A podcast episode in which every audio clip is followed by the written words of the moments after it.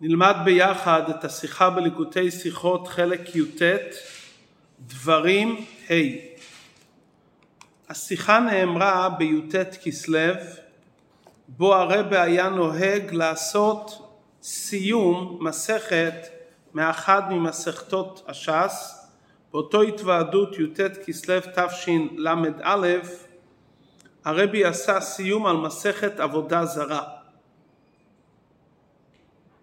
בסיום מסכת עבודה זרה מסופר סיפור. מר יהודה ובתי בר טובה אבוית קמי דשבור מלכה. שני יהודים אחד בשם מר יהודה. נראה לפי המשך הדברים יכול להיות שהכוונה לרבי יהודה. ויהודי שני שקראו לו בתי ישבו לפני המלך שבור מלכה הוא היה מלך פרס אייתו לקמי אתרוגה, הביאו לפניהם אתרוג. פסק אכל, חתך המלך חתיכה מהאתרוג ואכל לעצמו. פסק ואב ללבתי ברטובה, חתך עוד חתיכה והביא ליהודי שקראו לו בתי. הדר לאחר מכן דצה אסר הזימנה בערה. לאחר, לאחר מכן הוא לקח את הסכין, נעץ אותה בקרקע עשר פעמים זאת אומרת הוא הכשיר את הסכין, פסק חתך עם הסכין לאחר שהוא הכשיר אותה, הב לי למר יהודה והביא חלק מהאתרוג למר יהודה.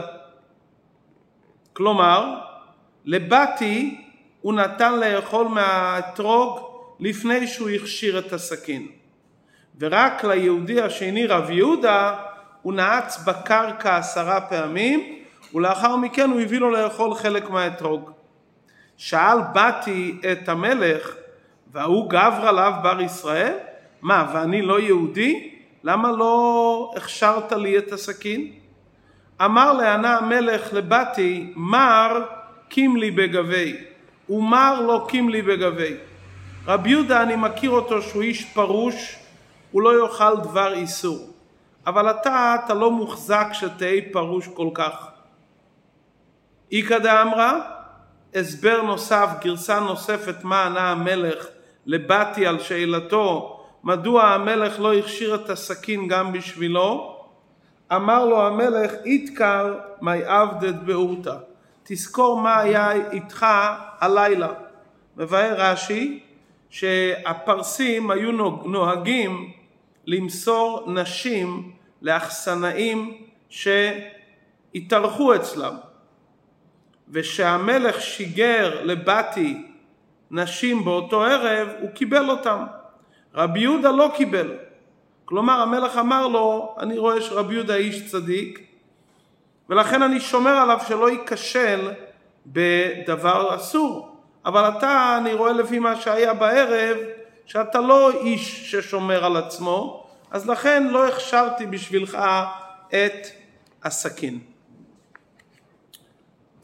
נראה שהמחלוקת בין שני התשובות בגמרא האם הוא אמר לו אתה, אתה מוכשר בעיניי או לא מוכשר בעיניי או שהוא אמר לו תיזכר מה היה בלילה בפשטות זה נראה שלפי האופן הראשון היה למלך ספק האם הוא איש כשר או לא כשר. לפי האופן השני הוא ידע בוודאי שהוא לא פרוש מדבר איסור הוא אמר לו תיזכר מה היה הלילה. אז בפשטות זה ההבדל בין שני הדעות. אבל האמת היא שיש כאן משהו יותר עמוק בהבדל בין שני הגרסאות.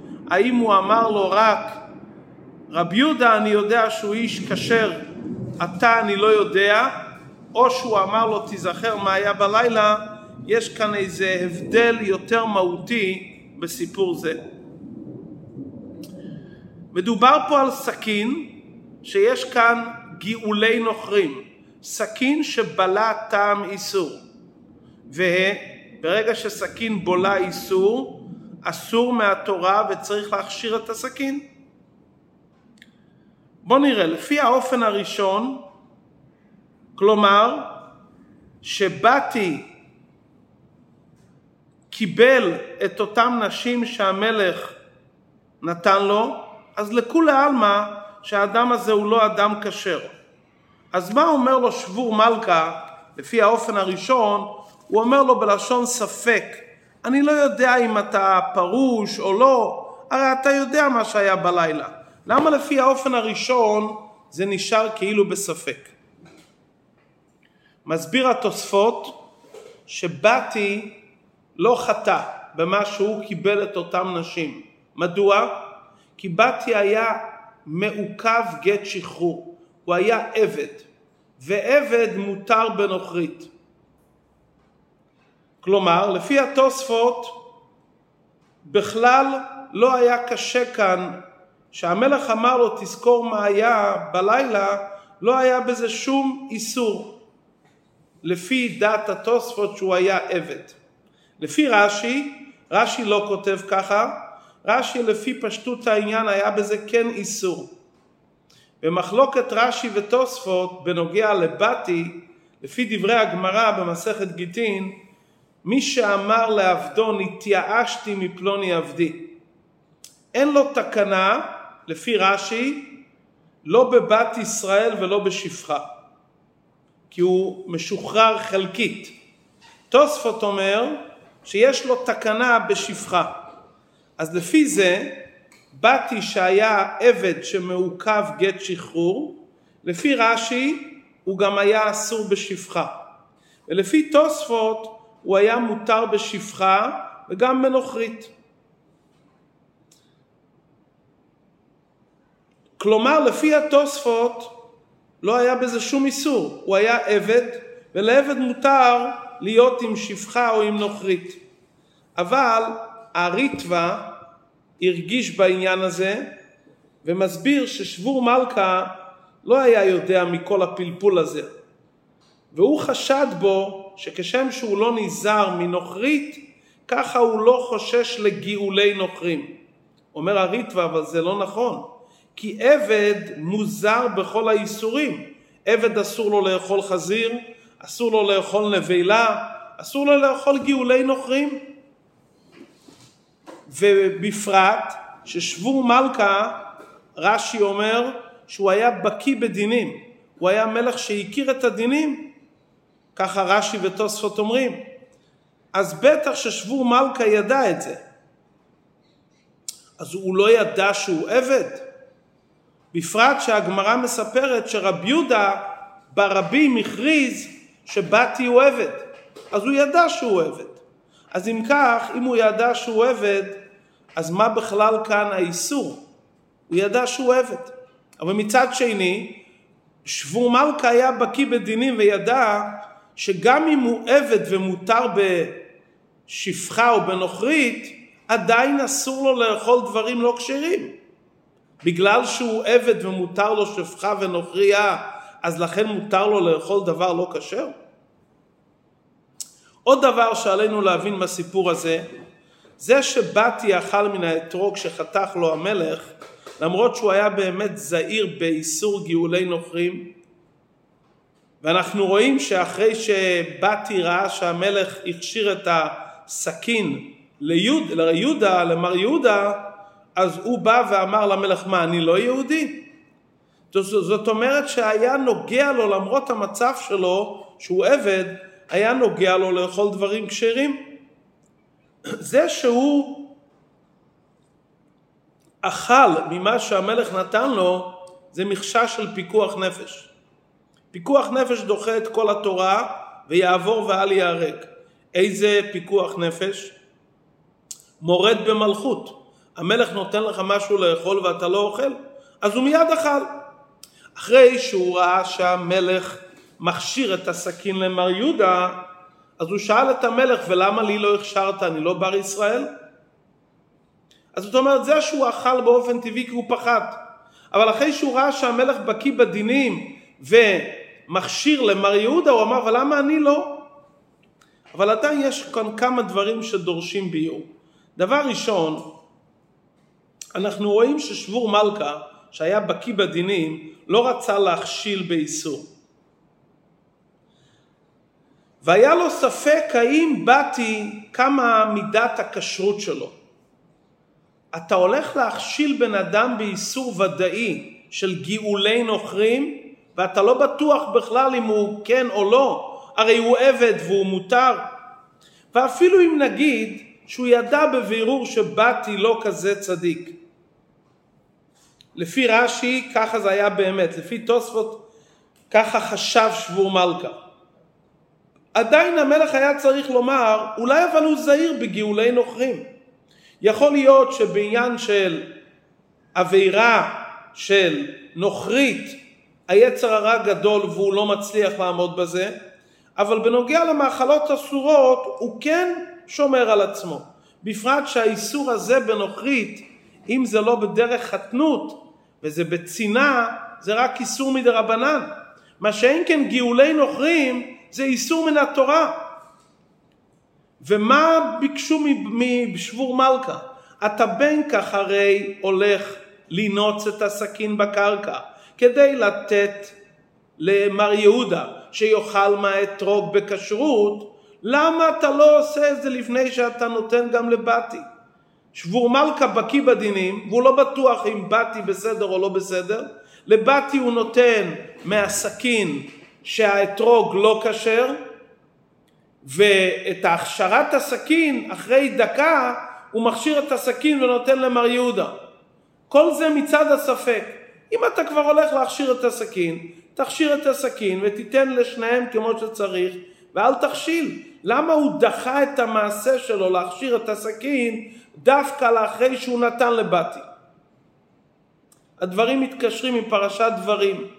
בפרשת דברים נאמר בפסוק אוכל בכסף תשברני ואכלתי ומים בכסף תיתן לי ושתיתי. חז"ל לומדים בדרך אסמכתה, מכאן לומדים איסור בישולי נוכרים. איך לומדים את זה מהפסוק? כתוב אוכל בכסף תשבירני ואכלתי ומים בכסף. כמו שמים שלא נשתנו על ידי האור גם אוכל. מתי מותר לאכול עם גוי? רק דבר שהוא טבעי. כמו מים שזה טבעי מותר לשתות עם גוי, ככה כל אוכל שלא נתבשל מותר לאכול עם גוי.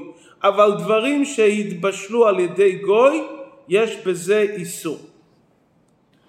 בפוסקים יש מחלוקת האם העניין שאסור לאכול בישולי נוכרים זה רק מה שגוי מבשל, או גם אסור להשתמש בכלים שבלו מפליטת בישולי נוכרים. בישולי נוכרים ודאי שאסור. האם הכלי נאסר משום בישולי נוכרים? ויש בזה דעות. דעה אחת אומרת שמכיוון שטעם האיסור של בישולי נוכרים, מדוע אסור לאכול בישולי נוכרים? לפי דעה אחת, משום חתנות, כלומר אנחנו חוששים שעל ידי זה שהוא יאכל איתו מאכלים מבושלים הוא יבוא לישון נוכרית, אז לפי הדעה הזאתי בוודאי שלא אסרו פליטת הבישול. כלומר להשתמש בכלי של אותו נוכרי מותר, כי כאן אין חשש שיבוא לידי חתנות. אני לא אוכל איתו דבר מבושל, אני משתמש בכלי שפולט אולי משהו מהבישול. זה לא יביא אותי לידי להתחתן איתו, ולכן לפי אותו דעה מותר. אבל רוב הפוסקים פוסקים שאסור להשתמש גם בכלים של הגוי בגלל הפליטה של הבישול. למה? לא בגלל חתנות, שאני משתמש בכלי שלו אין פה חשש חתנות, אלא כל מה שחכמים אסרו, הם אסרו גם את הפליטה. כמו שאסרו את עצם הבישול, אסרו גם את הכלי וגם מה שהכלי פולט. מה הסברה של אותם פוסקים, שזה רוב הפוסקים? כמו שמצינו בגבי סוכה, יש דין שנסר, חתיכת עץ, שרכב ארבעה, פסול לסכך. מה הדין אם לוקחים את אותו נסר, שהוא רכב ארבעה, ומעמידים אותו על הצד? כשמעמידים אותו על הצד הוא צר, האם הוא מותר לשיחוך, לסכך הסוכה או לא? אז כתוב מכיוון שאם מעמידים אותו ככה הוא פסול, גם כשמעמידים אותו על הצד הוא גם פסול. מה ההסברה? כי אם חכמים גזרו משהו מחמת דבר אחר, מדוע גזרו שנסר שרכב ארבעה פסול לסכך? כי זה כמו תקרה, זה כבר לא נחשב כסכך. האיסור נהפך להיות עצם האיסור. זה נהפך להיות איסור עצמי, ככה מסביר הגאון מרוקוצ'וב. ולכן גם אם טעם האיסור לא נמצא, כי אם אני מעמיד את הנסר על צידו, אין כאן חשש תקרה, אבל מכיוון שמתי שהנסר שוכב לרוחב, יש בו ארבעה, אז נהפך עליו שם איסור ואיסור עצמי גם מתי שהנסר עומד על הצד. על דרך זה גם בענייננו. מכיוון שחכמים אסרו את בישול נוכרים, מכיוון שחשש שיגיעו לחתונה עם הגוי, אז אסרו גם את הפליטה, מה שהכלי פולט, כמו עצם האיסור. כלומר שהתבשילים נאסרו ונחשבים כאילו זה להתחתן איתם. אז האיסור נשאר על עומדו גם שאין טעם האיסור. למרות שבאמת שאתה משתמש בכלי אין חשש לחתנות, אבל מכיוון שאסרו את הבישול, אז זה נהפך להיות עצם האיסור, וגם הכלי וגם הפליטה של הכלי, פליטת בישולי נוכרים, אסור. זאת אומרת, נהפך הדבר לעצם האיסור, גם אם אין כרגע את הטעם משום חתונה. לפי זה, הסיפור בסיום המסכת, שחז"ל מספרים סיפור בסיום המסכת, זה לא סיפור סתמי. ועוד מסיימים בזה את מסכת עבודה זרה. יש כאן איזה לימוד שחכמינו רוצים ללמד אותנו מאותו סיפור של שבור מלכה. הסיפור הזה זה ראיה לשיטת רוב הפוסקים שבישולי נוכרים אסורים גם. הרי כאן המלך שבור מלכה הכשיר את הסכין על ידי שהוא נעץ אותה עשרה פעמים בקרקע. לפי אלו שאומרים לגבי איסור בישולי נוכרים, שכלי שבלע מתבשיל שבישל נוכרי איננו אסור, רק תבשיל אסור, מצד שזה התבשל על ידי נוכרים.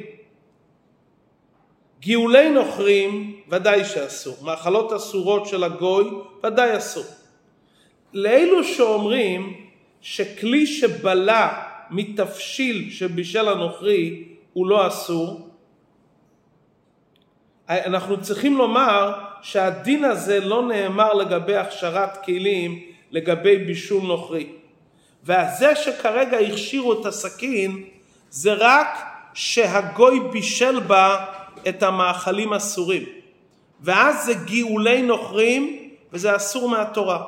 כלומר אם הסכין הזה בא לידי שימוש בדברים שאסור לאכול אותם, אז זה לא עוזר מה שנועצים את זה בקרקע. זה גאולי נוכרים בעצמם וזה אסור. אבל אם נגיד שכל מה שמדובר כאן זה כלי שבלע מבישולי נוכרים, לא מגאולי נוכרים, נכון שהוא צריך הכשר, וזה מה שלומדים מסיום המסכת, אבל על פי זה נוכל להבין את כל העניין. הסכין ששבור מלכה חתך איתו את האתרוג, לא היה בזה איסור של גאולי נוכרים מהתורה. מכיוון שבוודאי הוא לא בישל בזה מאכלות אסורים. הוא הרי מלך. כלום חסר משהו בבית המלך? ברור שסכין שמשתמשים לחיתוך פירות זה לא סכין שהשתמשו בו לתבשיל של בשר רותח. בבית המלך יש סכין לבשר רותח ויש סכין מיוחד שחותכים איתו פירות. אז בוודאי שלא מדובר כאן על גאולי נוכרים. מדובר פה רק על העניין של בישול נוכרי. הוא השתמש בסכין הזה לפירות מבושלים כשרים. וכאן הסכין בלע מפליטת בישולי הנוכרים. אבל אין כאן דין של גאולי נוכרים, אלא כל הדיון כאן בנוגע לבישול. סכין מיוחד שהמלך משתמש בו לפירות, כי בבית המלך לא חסר מאומה, והסכין בלע מהבישול של הנוכרי של פירות שהם לא גאולי נוכרים, בישול של נוכרי. עכשיו נבין היטב מה הדיון כאן ומה חכמינו רוצים ללמד אותנו בסיום מסכת עבודה זרה בסיפור עם שבור מלכה. שאמר לו שבור מלכה, תזכור מה היה בלילה, הוא התכוון להגיד לו, כל הסיפור של בישולי הקום זה בגלל עניין של חתנות. אנחנו חוששים שמא הוא יישא מבנותיהן. אבל אתה באתי, הרי מותר לך להתחתן עם גויה, לפי שיטת התוספות, שהוא היה עבד ומותר לו. אז מה שייך אצלך בכלל בישולי נוכרים? כל העניין של בישולי נוכרים זה בגלל שחוששים שמא הוא יתחתן איתם, אבל לך הרי מותר להתחתן. איי, מה נגיד? שבישולי נוכרים זה כמו עצם האיסור, כמו שאמרנו קודם בדין הנסרים, שנסרים גם מתי שהם עומדים על צידיהן הם אסורים, אז היינו צריכים להגיד, נכון שאתה באתי מותר להתחתן בנוכרית, אבל יש איסור בבישולי נוכרים, זה לא דומה. מדוע? אם החפץ חל עליו האיסור, אז אפשר לומר שגם שהטעם התבטל, האיסור נשאר. זה במקרה של נסרים שהפך אותם על צידיהם, מכיוון שהנסר הזה בעצם אסור לסכך, לכן גם שהתבטל הטעם הוא עדיין אסור. בדבר שחל איסור על הנוכרי, בישולי נוכרים, אז האיסור נשאר גם על הפליטה שנבלע בכלי. אבל כאן שמדברים בנוגע לבתי, האיסור לא חל מלכתחילה. אין כאן איסור לכתחילה, מכיוון שהוא היה מותר לכתחילה להתחתן עם גויה. אז אין כאן איסור, ולכן המלך אמר לו, מכיוון שאתה לא אסור להתחתן עם גויה, אז ממילא גם בישול של נוכרים מותר. מכיוון שהחתונה עצמה מותרת, אי אפשר, לבתי, אי אפשר לאסור עליו בישולי נוכרים שהחתונה בעצמה מותרת. זה לפי שיטת התוספות, שהוא היה מותר לכתחילה בשפחה ונוכרית. גם לפי שיטת רש"י, שהוא היה אסור בבנותיהן, אבל כאן מדובר בנוגע לאיסור בישולי נוכרים, שבור מלכה היה בטוח שהוא לא צריך להפריש את בתי מאיסור בישולי נוכרים. מכיוון שהוא ידע בוודאי שהוא לא זהיר באיסור חתנות עצמו, אז שבור מלכה חשב שבוודאי הוא לא נזהר בבישולי נוכרים. מכיוון שכל העניין של בישולי נוכרים זה רק בגלל איסור חתנות, ומכיוון שגם לפי שיטת רש"י שהוא היה אסור, ראה המלך שהוא לא נזהר בזה, אז המלך אמר אם הוא לא נזהר בחתונה, לפי שיטת רש"י שהוא היה אסור, אז בטח שהוא לא נזהר בבישולי נוכרים, שזה רק גזירה משום חתנות. עכשיו מובן מה שדיברנו בהתחלה, מה היה פה עם שבור מלכה. שבור מלכה ידע שהוא קיבל את אותו אישה שהוא שלח לו. אבל יש עוד סיבה למה אסור לאכול בישולי נוכרים. עד כאן דיברנו לפי הסיבה שבישולי נוכרים אסור בגלל עניין של חתנות. יש סיבה נוספת. מה הסיבה הנוספת? רש"י מסביר במקום אחר שהסיבה לא לאכול בישולי נוכרים שלא יהיה ישראל רגיל אצלו במאכל ומשתה ויאכילנו דבר טמא. כלומר לא בגלל חתנות, מצד דיני כשרות. לא אוכלים בישולי נוכרים כדי שלא נתרגל לאכול אצלו בכלל ואז יש חשש שנאכל דבר טמא. בזה בעצם שני הטעמים הללו, האם האיסור של בישולי נוכרים זה מצד חתנות, או האיסור של בישולי נוכרים זה כדי שלא יהיה רגיל לאכול אצל הגוי, הוא יאכיל אותו דבר טמא, זה בעצם שני הטעמים שמובא בגמרא. הטעם שאומר משום חתנות, אז לכן הוא מדגיש ואומר, תזכור מה היה בלילה, ולכן הוא רוצה להפריש אותו מן האיסור. למה? לפי התוספות אין כאן איסור בישולי נוכרים, ולפי רש"י הוא ידע בוודאות שהוא לא זהיר. זה לפי הסיבה השנייה שהוא אמר לו תזכור מה היה בלילה. לפי ההסבר הראשון שהוא אמר לו אני לא בטוח שאתה שומר, טעם ונימוק שאסור לאכול בישולי נוכרים זה כדי שאדם לא יהיה רגיל לאכול דבר טמא. ולכן הוא בכלל לא היה צריך להזכיר לו מה שהיה בלילה, כי זה בכלל לא הסיבה מדוע לא אוכלים בשולי נוכרים. כל הסיבה שדיברנו לעיל זה רק לפי הנימוק שכל האיסור בישולי נוכרים זה מצד חתנות, אז לכן בגרסה השנייה הוא הזכיר לו מה היה בלילה. לפי הגרסה הראשונה הוא בכלל לא הזכיר לו מה היה בלילה, הוא אמר לו הסיבה שנזהרים מבישולי נוכרים זה פשוט מכיוון שלא תתרגל לאכול אצל הגוי ואני לא יודע האם אתה נזהר בזה או לא נזהר בזה. נו, עדיין נשארת השאלה, אבל כה הולך להכשיר את הסכין בשביל מר יהודה. אז למה לא תכשיר את הסכין לפני זה, ושגם באתי יאכל את זה כמו שצריך? אפילו אם אתה לא בטוח שהוא זהיר.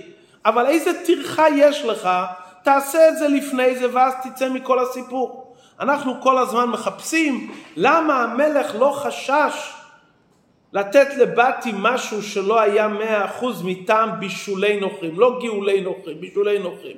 אבל אתה רואה שבתי היה בקיא בדינים, סליחה, ששבור מלכה היה בקיא בדינים, והוא הכשיר את הסכין למר יהודה. תכשיר את זה כמה דקות לפני זה. ואז גם בתי יאכל כשר, ובטח מר יהודה יאכל כשר. יש כאן עניין נפלא שחכמינו רוצים ללמד אותנו. שבור מלכה היה מלך. יש דין שפרנס שנתמנה על הציבור, אסור לו לעשות מלאכה בפני שלושה, כדי לא להתבזות. מלך, גם מלך גוי, אסור לו לעשות מלאכה בפני הציבור. הסיבה לכך מצד כבוד המלכות. אם לא יכבדו את המלך לא יהיה יישובה של מלכות. אלמלא מוראה של מלכות איש את רעהו חיים בלאו. העניין הזה נמצא גם אצל בני נוח. מלך גוי אסור לו לעשות מלאכה בפני אנשים. אם כן, לשבור מלכה היה אסור לעשות מלאכה ולהכשיר את הסכין בפניהם, כי זה הפך כבוד המלכות. ולכן לשבור מלכה היה אסור להכשיר את הסכין בפניהם, כי מלך שמחל על כבודו, אין כבודו מחול. ומכיוון ששבור מלכה ידע שזה שבאתי יאכל את האתרוג, אין בזה שום איסור, כי זה רק בישולי נוכרים שאסור משום חתנות, והוא עצמו מותר להתחתן עם נוכריה, והוא חייב לאכול את זה מצד פיקוח נפש וכבוד המלכות, אז הוא היה חייב לתת לו את האתרוג לפני הנעיצה בקרקע, כי לשבור מלכה היה אסור לעשות מלאכה. אז למה לפני שהוא הכיל את מר יהודה הוא כן נעץ? הרי הוא מלך. כאן מגיע נקודת הדברים. מכיוון שהמלך שבור מלכה ידע שמר יהודה הוא יהודי שאוכל כשר ומהדר בכשרות, הוא ידע שהוא פרוש, למרות שיש חשש של פיקוח נפש, הוא ידע שרב יהודה לא יסכים להיכשל בחשש דחשש, בפרט על רב יהודה שהגמרא אומרת שהוא היה מסר את נפשו על קדושת השם גם במקומות שאסור ואין חיוב, גם במקומות שאין חיוב למסור את עצמו למיתה, הגמרא מספרת שרב יהודה מסר את נפשו. אמר שבור מלכה, אני נועץ את הסכין ומוריד מכבודי, למרות שאסור לי לעשות את זה, מכיוון שאני מכיר את מר יהודה ואני יודע שהוא ימסור את נפשו ולא יאכל את האתרוג אם, אם הסכין לא תהיה כשרה, למרות שזה לא איסור, אין כאן איסור, רק הוא התכוון לעניין אכילת האתרוג בפועל. גם לפני מה שמר יהודה אכל, הוא ידע שבור מלכה ידע שמר יהודה לא יאכל את האתרוג והוא יסתכן בפיקוח נפש, למרות שמצד כבוד המלכות הוא חייב לאכול. אז לא היה לו ברירה והוא רצה לכבד את מר יהודה והוא נעץ את הסכין בקרקע. אבל לפני האכילה של בתי היה אסור לו לעשות את זה משום כבוד המלך. הוא לא ידע שהוא לא יאכל את האתרוג ולכן שבור מלכה הקדים לתת את האתרוג לבתי לפני מר יהודה כי הוא רצה ללמד אותנו דין שבשביל בתי אסור לו לוותר על הכבוד שלו. בשביל מר יהודה מותר לו לוותר על הכבוד למרות שזה כבוד המלכות. אומר הרבי מה ההוראה אלינו? הוראה נפלאה. למלך אסור לוותר על הכבוד שלו כי מלך שמחל על כבודו אין כבודו מחול. והנה כאן אנחנו רואים שהמלך שבור מלכה מלך פרס ישבו לידו שני אנשים שהיו מחויבים בכבוד המלכות. אחד מהם היה בפחד מפני שהמלך לא יהודי, ולכן הוא אכל מהפרי, מהאתרוג שחתך לו שבור מלכה בסכין שהיא לא כשרה. מה אמר לעצמו באתי? פיקוח נפש. יהודי כזה לא קיבל כבוד מהמלך. השני, ששבור מלכה אמר קים לי בגבי, אני מכיר אותו, הוא לא יעבור על איסור אפילו אם זה נוגע בכבוד המלך והוא ימסור את נפשו על זה. היהודי הזה לא זו בלבד שלא איבד את חינו בעיני המלך, אלא שבור מלכה בעצמו. המלך בעצמו ויתר על כבוד מלכותו והטריח את עצמו לשמש את מר יהודה. לכאורה, הרי המלך היה יכול לקרוא לאחד ממשרתי המלך ולבקש תינוץ את הסכין בקרקע, או לתת את הסכין למר יהודה, ולומר לו תינוץ את הסכין בקרקע ותכשיר אותו, ולאחר מכן אני אתן לך את הפרי. הוא רצה לכבד אותו, לתת להם פרי. מה רואים מכאן? שגוי מלך רואה שעומד לפניו יהודי ירא שמיים, שפורש מן האיסורים ומוסר את נפשו, אז המלך מרגיש כבוד לשמש כזה יהודי. הוא עצמו ברצון מלא מסכים בשמחה לעשות את העבודה בגופו, להיעדר בכל ההידורים, למרות שעל פי דין היה מותר למר יהודה לאכול את האתרוג גם בלי נעיצת הקרקע, הרי אמרנו שזה סכין שמיועד רק לפירות, והסכין הזה הוא לא סכין שחתכו איתו בשר רותח חס ושלום, וכאן זה כבוד המלכות, פיקוח נפש. אבל ברגע שיהודי נעמד בתוקף ומוסר את נפשו על כשרות, אז המלך בעצמו עושה את העבודה בשבילו. כשאנחנו נתנהג בהנהגה כזאתי, זה יביא סיום על כל העניינים של עבודה זרה. זה יבטל את כל העבודה הזרה שבעולם, עד שנזכה בקרוב ל"ויתל השם המלוכה", והיה השם למלך על כל הארץ, בקרוב ממש. כמו שכתוב, היו מלאכים אומנייך בזמן הגאולה וכהכנה לגאולה, המלכים הגויים ישרתו את עם ישראל.